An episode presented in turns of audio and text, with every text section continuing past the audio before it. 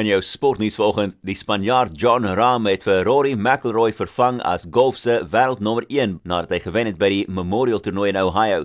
'n Laaste ronde van 3 oor bandsyfer 75 was genoeg geweest om te eindig op 900 bandsyfer, 3 houe voor die Amerikaner Ryan Palmer. Lewis Hamilton het die voorsprong oorgeneem in die Formule 1 Wêreldkampioenskap vir die eerste keer die seisoen na 'n indrukwekkende oorwinning by die Hongaarse Grand Prix. Die Mercedes renjaer het sommer vinnige 8 sekonde voorsprong gehad na 3 nat rondes voordat hy verander het na droë bande toe en van daar af die wedren beheer het. Red Bull se Max Verstappen het tweede geëindig voor die tweede Mercedes van Valtteri Bottas. En Stewart Broad hou Engeland se hoop aan die lewe om sake uit die reeks gelyk te maak in die tweede toets teen die Wes-Indiese eilande nadat hy gister 3 paaltjies geneem het terwyl die Wes-Indiese eilande 'n opvolgbeurt afgeweer het op Old Trafford.